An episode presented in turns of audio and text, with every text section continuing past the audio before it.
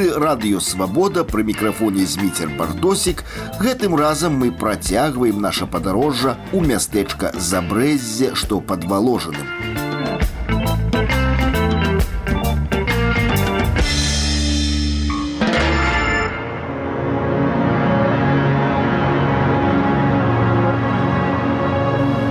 мястэчку забрэзі на месцы масавага забойства мясцовых габрэяў стаіць помнік пастаўлены суродзічамі забітых што выжылі ў эвакуацыі стаіць на ўскрайку прыватнага агароду бо ў 60тыя калі сельсавет выдзяляў новыя участкі пад будаўніцтва на такія дробязі як масавае пахаванне не зважалі знішчалі гета чатыры родныя браты антысеміты якія пайшлі ў паліцыю па вайне усе чацвёра збеглі і далейшы іх лёс невядомы. Карэнны забрэзевец эканаміст Михай Залескі лічыць, што аднаго з забойцаў ён аднойчы бачыў. То малодшага з іх хіба я сустрэў. Я ўжо ў 72 годзе пайшоў рабіць. Рабіў я ў навукова-даследчым інстытуце снімэсхі. Паслалі мне ў камандзіроўку Слуцку.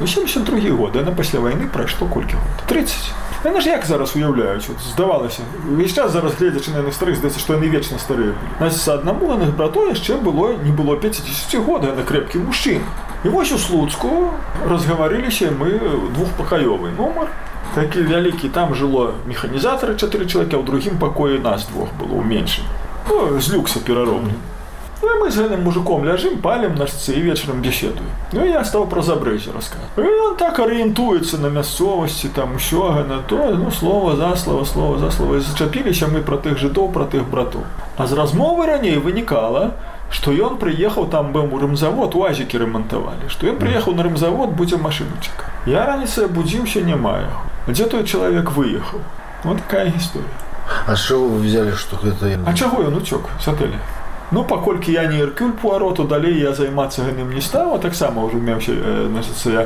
рухацца паехаў там у калгас з'ездзіў вярнуўся ну, ўжо далей як бы просто гэная думка мне ды маладому куды яно не надта западае ў галавой на зараз уже можна постфактум так падумаць Ну вот гэта такая гісторыя была.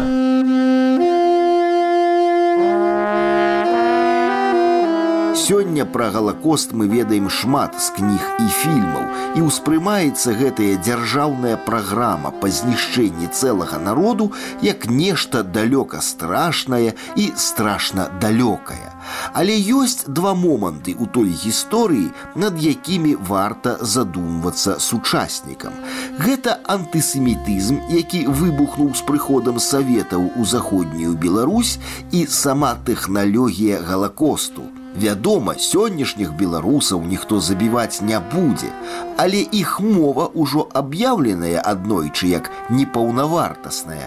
Вот гаворка такая ідзе зараз многія людзі яны не разумеюць сутнасці халакосту вынішчэння. Яно робіцца пры жывых людзях. Яно робіцца пры мностве сведак. Яно робіцца ў розныя спосабы. Яно увасабляе сабой немінучасць. Калі дзяржава можа ўвасобіць немінучасць, то яна тада каго хоча таго і вынішчае можа быць як з беларусамі вельмі проста забараніць атрымліваць адукацыю вышэй за сярэднюю это вот мой галоўны тэсіс беларусам заканадаўчы заабаронена атрымліваць адукацыю вышэй за сярэднюю хочаш у птв у тэхнікум інстытут записывайся ў рускі размаўляй па-руску вучыся па-руску мяне нявестка залатым медалём школу скончыла ў гарадзеі і паступала ў коледж сувязі яны вучыліся разам са старэйшым сын у яе што хто-небудзь пытаўся ты хочаш на якой мове вучыцца Яна ж па-беларуску залаты медаль атрымала ў школе ніхто не спытаўся так вот аб чым гаворкаеце таксама робіцца яна далей калі мы сказалі што можна націснуць на адзін палец да то можна націснуць і на нагу і на сэрца Значыць, далей мы ўжо бярем, калі мы дазволілі гэны, мы можам рабіць любога роду рэпрэсій, мы можам іх узмацняць да самых жорсткіх і ніхто нічога не скажа. Таму што гэна як у малацілку папала. Малацілка ў немцаў была добрая. Не ўсе вытрымлівалі, у валожанне начальнік гарнізону немец застрэліўся.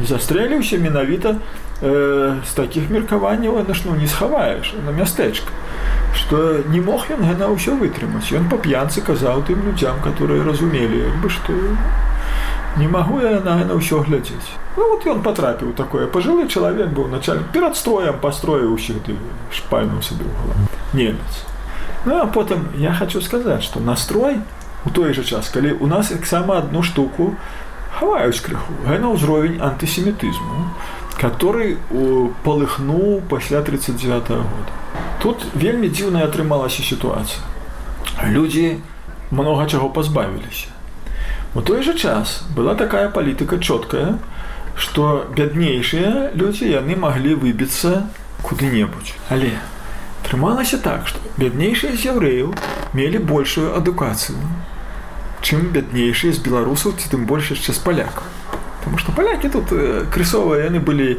малапісьменныя і бедныя ну за выключэннем асаднікаў але асаднікаў вывезлі ж адразу дык вось яны апынуліся на нейкіх пасадах яны апынуліся ў больш прывіліяваным становішча не ну апынуліся на нейкіх такіх пасадах ну там дзе-небудзь у нарыхтоўцы скату там на зернапункце там пры канторцы пры якой пры ўсём Ну і ўсё і гэна адразу як бы от ушпілілася што а бачты як усё і, і так было і так было як бы ж усё лёгка пыхае такое і вот яна пачалася яна таму людзі былі такія што і радаваліся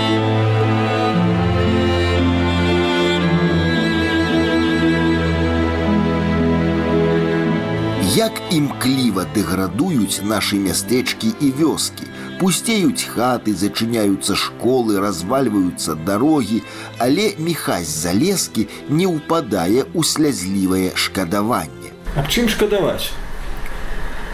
Чым шкадаваць? У мяне філасофія такая, я сузіраю перамен. ёсць такое паняцце сялянскі двор. Сялянскі двор гэны інструмент. Як карбіж'е казаў, што дом гэны інструмент архітэктар. Так сялянскі двор гэны інструмент. У ім ёсць усё для вядзення гаспадаркі сям'ёй і ўсё на сваім месцы а? і цэбры вядры разгіне ўсё на сваім месцы і серпы каса гэны двор 5 гектараў конь і чалавек павінен быць мужчына на кожныя 5 гектараў павін быць коні мужчына да. і далей сям'я можа быць вялікая і вот гэна ад часоў уставы на валокі гэная тэхналогія захоўвалася пасяленне ўжо велічыня яно абмежаванае якасцю і памерам земельных угоддзяў дзе ёсць якасная земля мсціслаў заслаў браслаў 2000 год сядзяць тураў дзе няма дзе-небудзь туды гарадок езерышча расоны то прыходзяць то ўходзяць у залежнасці ад змены клімат за часы шляхціца завальні там тайга была зараз цяплей робіцца людзі сунуцца зноў на поўнач але пагоршыліся ўмовы рэнты няма зямельнай яны адтуль адыходзяць от складваюцца мясцечкі складваюцца густа і гэных людзей туды ўжо сцягва пачынаецца інфраструктура развівацца перапрацоўка там у забрэзі і крамы былі і майстэрні былі як у майго дзеда і заводзік быў ужо нейкі маслазавод і ўсё яно яно ўсё веравала перапрацоўвалася яно разыходзілася яно росло. Вот гушчыня гэных пасяленняў яна абумоўлена тэхналогія. Лукашенко ідзе за камуністамі. Аказваецца, аграгарадок гэта не прыдумка нашага часу. Слова з'явілася яшчэ за сталіным. У мяне ёсць кніжка 63 года стаць беларускі сельскі фальклор.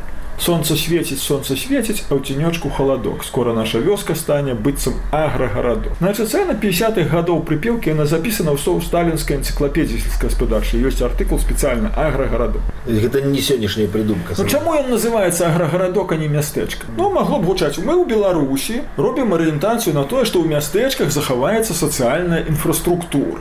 Причем там городок, який там к чорту городок? Она идзе вот на элемент русификации и советизации. Агрогородок. А вёски яны пачынаюць вымирать тому, что сама технологичная система не дазваляе весці гаспадарку на аддаленасці от вот генных центров. Збудавалі комплекс. Значит, у яго павінна быць сыравінная зона. Гэна сыравінная зона она абмежаваная эффектыўнасцю доставки кормов на аўтамабілях апрацоўкі палёў на трактор А якія ў нас трактары энерганасычаныя значыць што мяняецца яшчэ выкарыстанне зямлі гэны энерганасычаны трактор вялікі магутны ён праціскае зямлю нашу беларускую ад 80 сантиметров до метра 20 значыцца робіцца знізу цвёрдая земля зверху вода забалочыцца ён потым не можа ўлезці туды гэны трактор гэна ўсё пераводзіцца ў дзяржаўны лясны фонд у пашу сенакос у значыцца туды так яно дэградуе ўсё. Калі там няма магчымасці весці гаспадарку няма сям'і няма сялянскага двара.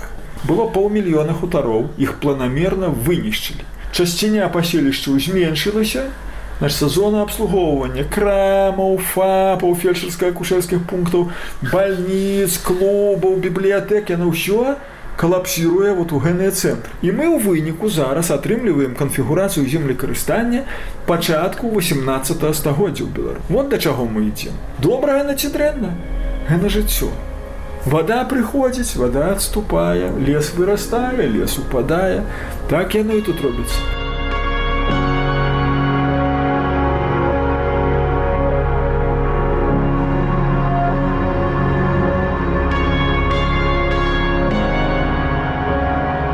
Але ж вёска гэта не толькі аграрная прамысловасць, гэта яшчэ традыцыйная культура. Э, з іншага боку, Чаму не трэба шкадаваць? Таму што ёсць людзі, которые хочуць есці. Калі яны хочуць есці, то ім нехта есці будзе прадаваць. І чым менш будзе прадаўцоў, тым даражэй будзе ежа, тым выгадней будзе працаваць тому прадаўцу. І яно паціху неяк вычухваецца. Все равно ж вытворчасцю займаюцца сельгаспрадукцыі. Іншая рэч, што канкурентнай ганую прадукцыю робяць толькі пэўныя умовы. У нас ёсць такі варыянт, што яно, яно куды дэградуе. Хутары нікуды не дзеюцца з малых вёсак робяцца хутары. З вялікіх вёсак робяцца малыя.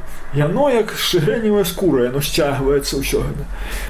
Таму, канешне, можна ностальгировать. Можна успамінаць, які клуб быў забрэйся, які быў Барысевич, хороший кінамеханік і валя была загадчыцца бібліятэкай і вясёлая дзяўчына. Ну да, яна было вельмі прыемна. Яно будзе нешта іншае. Пытанне ў тым, вот гэта іншае. Яно ж у нас расце без сувязі з тым с краиной. И оно связано с краиной только экономично, обменом. Вот. Причем технологично там застаются самые горшие. То где у нас национальная идентичность у вёсцы? Нема. Вот гена знищена было. Вот гена, люди не разумеют, об чым яны сумуюць. Я не сумую про мястэчка. Я сумую про тое, што знікла разам з мястэчкам. Знікла вот генае аднаўлення нацыянальнай культуры, яна не аднаўляецца кожны чацверты алкаголік заняты ў вёсцы кожнае пятое дзіцё ўжо зараз не ў стане выканаць праграму перша класа ну калі бацька чытае толькі этыкеткі на чарліку то што ён можа даць генаму дзіцю яно чуе маты толькі ў хаце час ад часу бачыць мульцік па тэлевізары і з тым яно прыходзіць у першы клас На мою думку, тое, што беларуская культура перабіраецца ў горад, гэта самы важны працэс, які адбываецца апошнімі гадамі. Яна яна культура яна неубіваемая, яна пераходзіць з мовою. Но вёска перастае быць месцам, дзе культура аднаўляецца. Культура пераходзіць горад 73 -го года у горадзе робіцца дзяцей больш, чым у вёсцы. І яна, яна непазбежная. Але ж можна яно ўсё было нармальна пакінуць. Люди карыстаюцца толькі той моваю, который прыносіць сацыяльны поспех. Людзі жывуць там, дзе яны атрымліваюць сацыяльны поспех. Французскія сацыёлагі даказалі, што калі ў вёсцы сярэдні ўзрост людзей вышэй за 45 год, то яе можна на карце ўжо закрэсліць. Ніякія ўліванні ні ў што. Ні ў тэхналогію, ні... яны ўжо не дапамогуць. То бок дапамагаць, калі мы хочам захаваць вёску, трэба пакуль там яшчэ ёсць каму зачапіцца. То для маладых людзей трэба стварыць тыя ўмовы, которые іх там утрымаюць. У нас лічаць, што геныя умовы гэта сацыяльная інфраструктура. Я сам дысертацыю пісаў і пісаў пра сацыяльную інфраструктуру як умову існавання.